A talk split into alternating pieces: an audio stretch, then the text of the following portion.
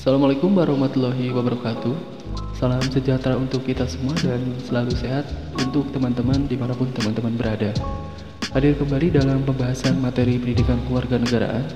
Di pertemuan kali ini saya akan membahas mengenai materi konstitusi.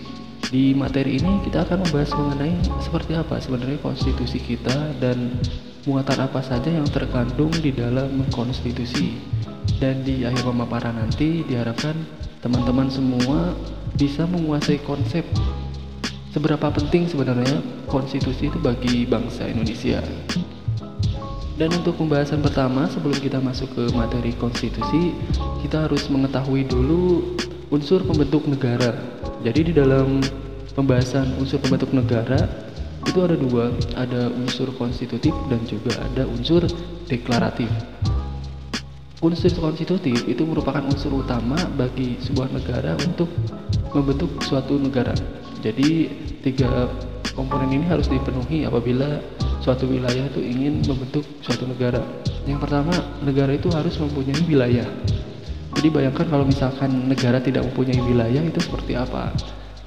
Terus juga memiliki rakyat. Jadi kalau misalkan suatu negara itu tidak memiliki rakyat, apakah cuma tanah kosong saja seperti itu? Itu bukan sebuah negara berarti.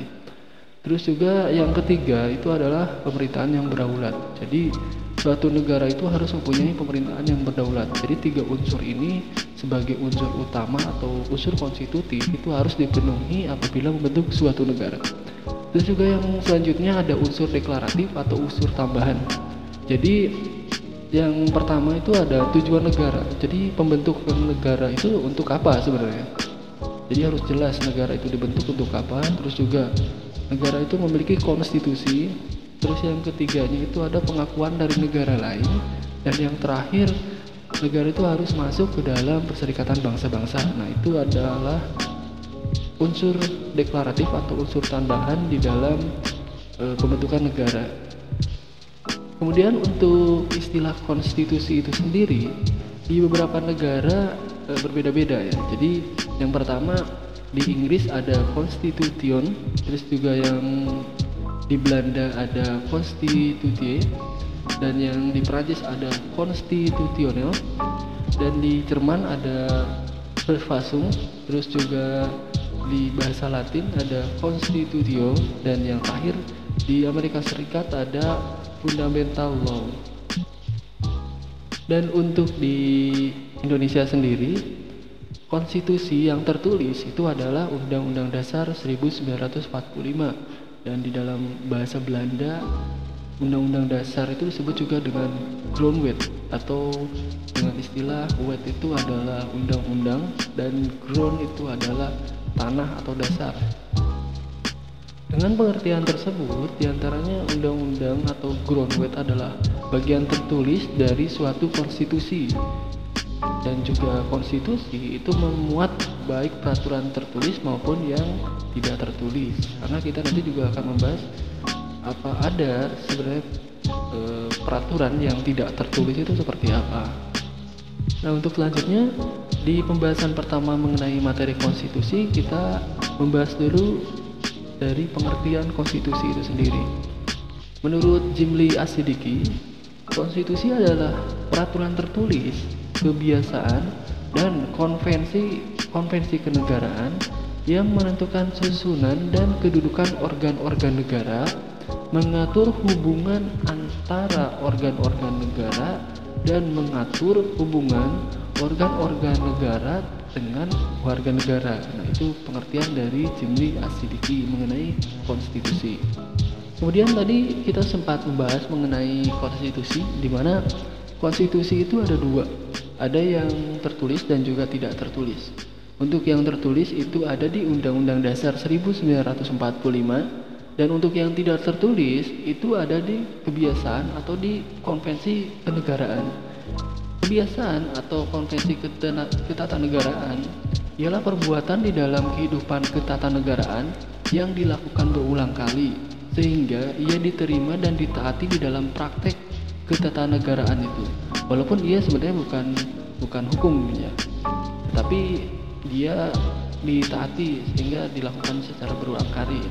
Kemudian contoh dari praktek konvensi ketatanegaraan itu adalah maklumat wakil presiden nomor 10 tahun 1945 terus juga ada dekret presiden kemudian ada amanat 17 Agustus terus juga pidato kenegaraan di setiap tanggal 16 Agustus terus juga ada musyawarah mufakat di dalam praktek di lembaga tinggi negara Majelis Pemusyawaratan Rakyat dan keterangan pemerintah tentang RAPBN di hadapan DPR.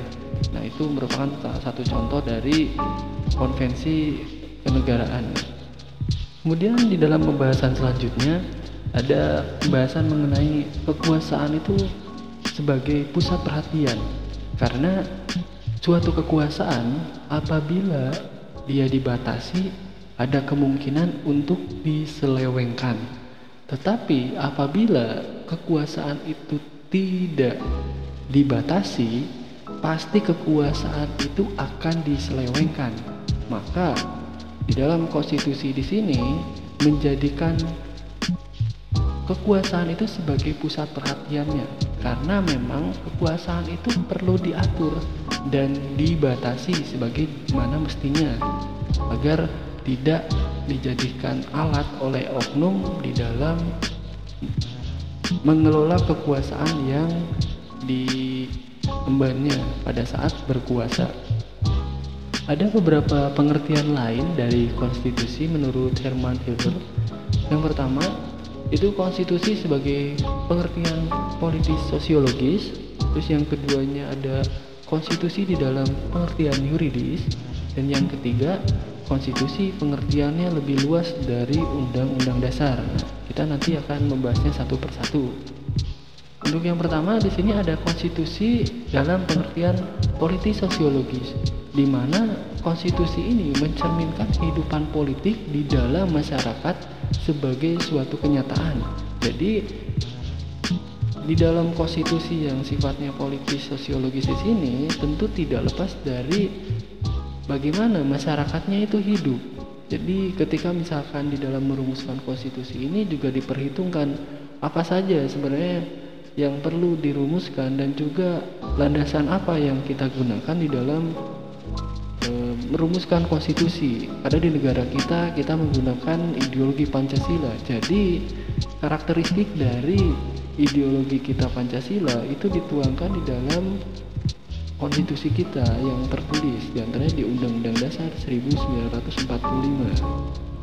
Untuk yang selanjutnya, konstitusi di dalam pengertian yuridis.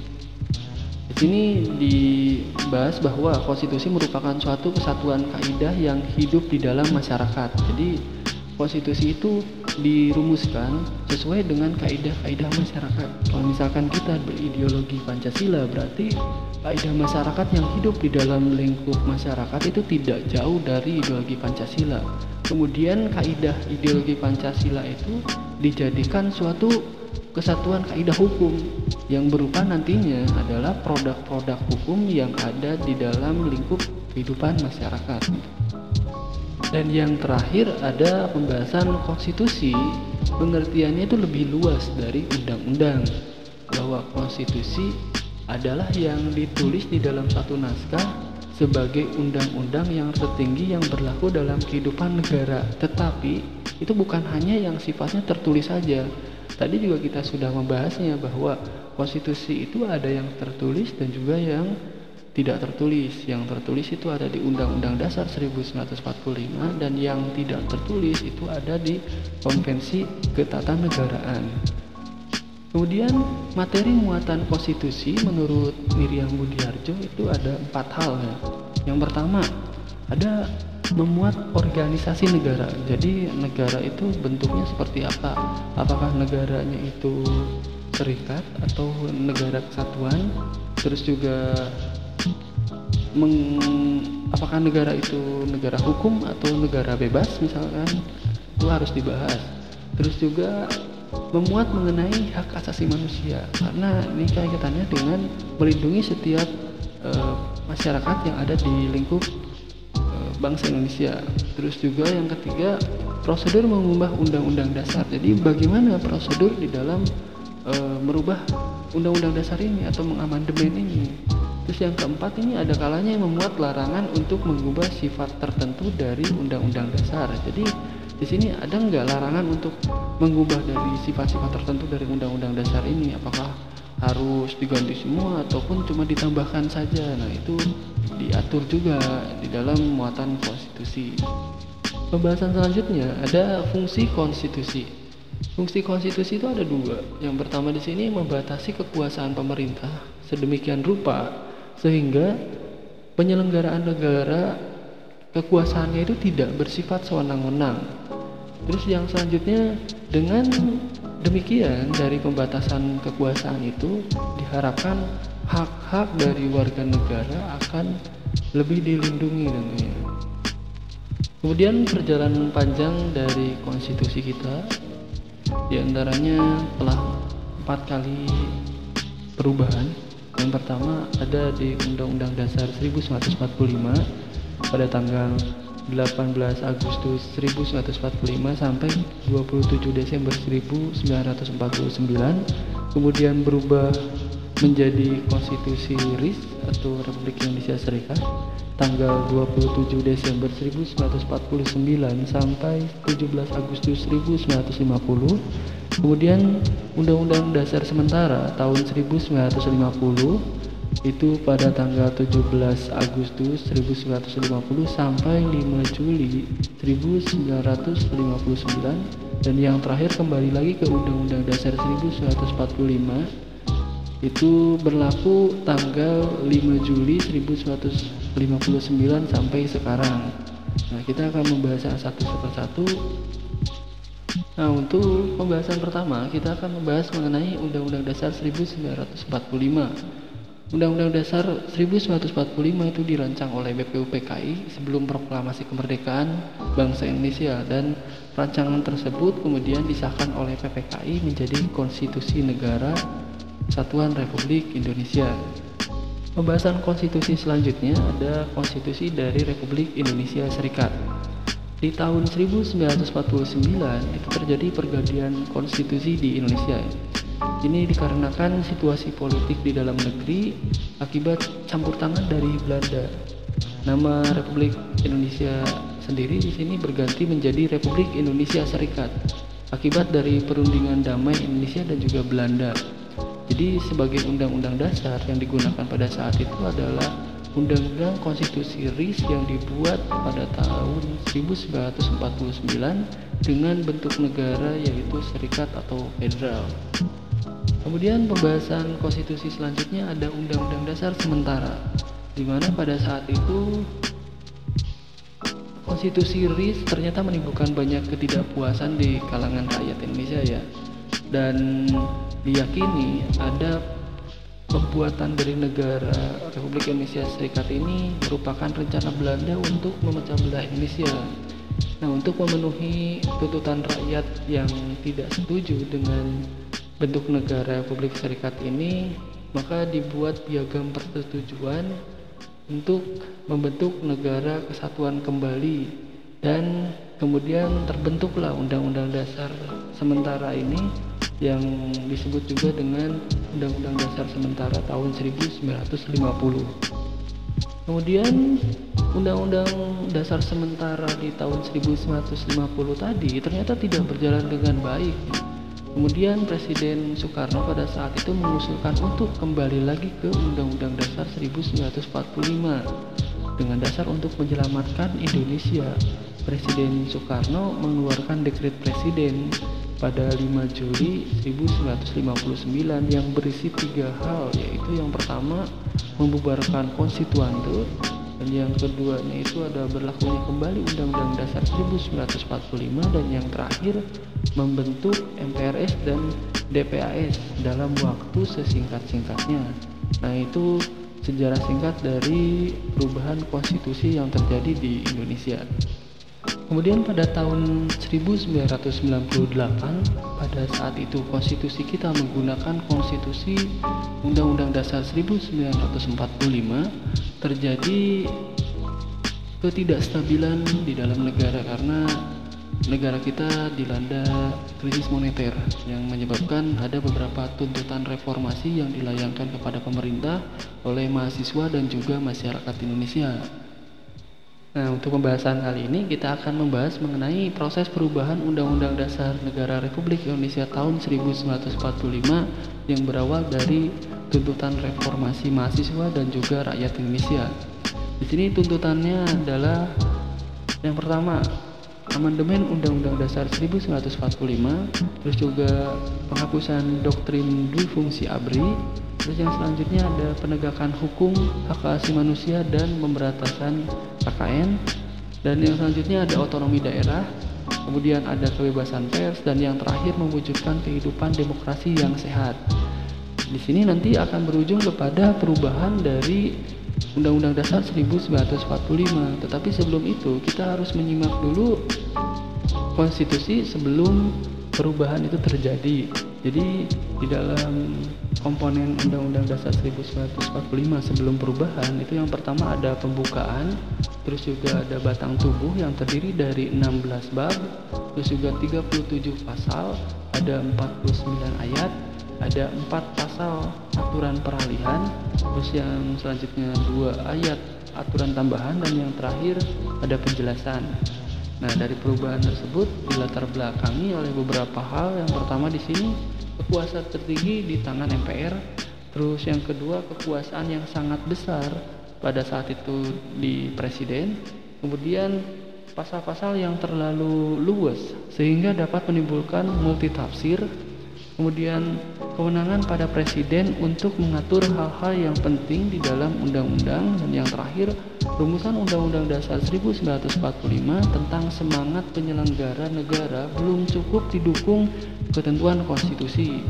Nah, yang selanjutnya tujuan perubahan itu yang pertama di sini untuk menyempurnakan aturan dasar yang intinya itu mengenai beberapa hal. Yang pertama ini mengenai tata negara, kemudian kedaulatan rakyat, yang selanjutnya ada hak asasi manusia terus juga pembagian kekuasaan itu harus jelas terus kesejahteraan sosial kemudian eksistensi negara demokrasi dan juga negara hukum dan yang terakhir hal-hal yang sesuai dengan perkembangan aspirasi dan kebutuhan bangsa Nah, ini berlandaskan beberapa landasan yuridis. Yang pertama ada di pasal 3 Undang-Undang Dasar 1945, terus juga pasal 37 Undang-Undang Dasar 1945. Kemudian ada TAP MPR nomor 9 garis miring MPR garis miring 1999 dan ada di TAP MPR nomor 9 garis miring MPR garis miring 2000 dan TAP MPR nomor 11 MPR di sini tahun 2001. Nah, di sini itu juga ada kesepakatan dasar di mana kesepakatan dasar ini di beberapa poin. Yang pertama, tidak mengubah pembukaan Undang-Undang Dasar 1945. Terus yang selanjutnya, tetap memperhatikan negara kesatuan Republik Indonesia. Jadi tetap dipertahankan di sini negara kesatuan Republik Indonesia dan tidak berubah kembali ke RIS misalkan contohnya terus juga mempertegas sistem presidensil dan yang selanjutnya memperjelas Undang-Undang Dasar 1945 yang memuat hal-hal normatif di dalam eh, pasal-pasal terus juga perubahan dilakukan dengan cara adendum atau ditambahkan kemudian sidang MPR di sini berlangsung empat kali. Yang pertama sidang umum MPR tahun 1999, kemudian di sini berlangsung dari tanggal 14 sampai 21 Oktober 1999. Terus juga di perubahan kedua di sidang tahunan MPR tahun 2000 yang berlangsung pada tanggal 7 sampai ke tanggal 18 Agustus tahun 2000 terus juga yang ketiga ada sidang tahunan MPR tahun 2001 pada tanggal 1 sampai 9 November tahun 2001 dan yang terakhir sidang tahunan MPR 2002 tanggal 1 sampai 11 Agustus tahun 2002. Nah, hasil perubahannya itu ada beberapa hal. Yang pertama itu pembukaan, terus yang selanjutnya ada pasal-pasal terdiri dari 21 bab, ada 73 pasal terus juga 170 ayat dan tiga pasal aturan peralihan dan dua pasal aturan tambahan. Tadi kita sudah membahas mengenai konstitusi dan juga beberapa perubahan konstitusi dan perubahan di Undang-Undang Dasar 1945 dan kini kita akan membahas mengenai kesadaran konstitusional. Menurut Jimli Asidiki, kesadaran konstitusional itu adalah kesadaran warga negara akan hak konstitusionalnya sebagai warga negara, baik sebagai perorangan maupun sebagai kelompok. Jadi di dalam kesadaran berkonstitusi juga di sini terkandung maksud ketaatan kepada aturan hukum sebagai aturan main atau rule of game di dalam negara dan juga di dalam kehidupan berbangsa di sini. Kemudian pengertian lain dari kesadaran konstitusional menurut Udin S. Winata Putra bahwa kesadaran berkonstitusi itu menunjukkan kualitas pribadi seorang yang memancarkan wawasan, sikap dan juga perilaku yang bermuatan cita-cita dan juga komitmen luhur kebangsaan dan kebernegaraan di Indonesia. Jadi dari dua pengertian tersebut kita bisa simpulkan bahwa kesadaran berkonstitusional itu sangat penting bagi warga negara untuk menentukan sikap kita di dalam kehidupan bernegara. Jadi kita tahu bahwa bagaimana sebenarnya rule of the game di dalam kehidupan bernegara dan kita menyadari bahwa ada kontrak sosial di dalam kehidupan kita antara kita sebagai warga negara dengan negara. Kemudian pembahasan selanjutnya ada tingkatan kesadaran konstitusional. Yang pertama di sini ada anomos di mana kesadaran konstitusional dari individu ini tidak jelas dasar dan juga alasan orientasinya ini tidak jelas. Kemudian ada heteronomus di mana berlandaskan pada dasar orientasi motivasi yang beraneka ragam dan juga berganti-ganti. Jadi dia kadang kesadaran konstitusionalnya tinggi dan rendah itu tidak jelas naik turunnya ataupun motivasinya itu tidak jelas. Kemudian sosionomus di sini berorientasi pada kiprah umum atau layak ramai. Jadi dia tergantung dari lingkungannya. Lingkungannya sedang aktif dan dalam kesadaran konstitusional dia ikut aktif, tetapi orang lain pasif, misalkan dia juga ikut pasif. Dan yang terakhir ada autonomus. Jadi didasari oleh konsep atau latar belakang yang ada di dalam dirinya sendiri ditanamkan tingginya kesadaran konstitusional karena memang kesadaran konstitusional ini salah satu kewajiban kita di dalam mentaati rule of the game di dalam kehidupan bernegara. Demikian pembahasan dari materi konstitusi. Tadi kita sudah membahas mengenai pengertian konstitusi, terus juga beberapa perubahan konstitusi dan juga ada amandemen di dalam konstitusi di Undang-Undang Dasar 1945 Mudah-mudahan pembahasan kali ini bisa membuka wawasan teman-teman mengenai konstitusi kita yaitu konstitusi di negara kesatuan Republik Indonesia. Dan saya tutup pertemuan kali ini. Wassalamualaikum warahmatullahi wabarakatuh.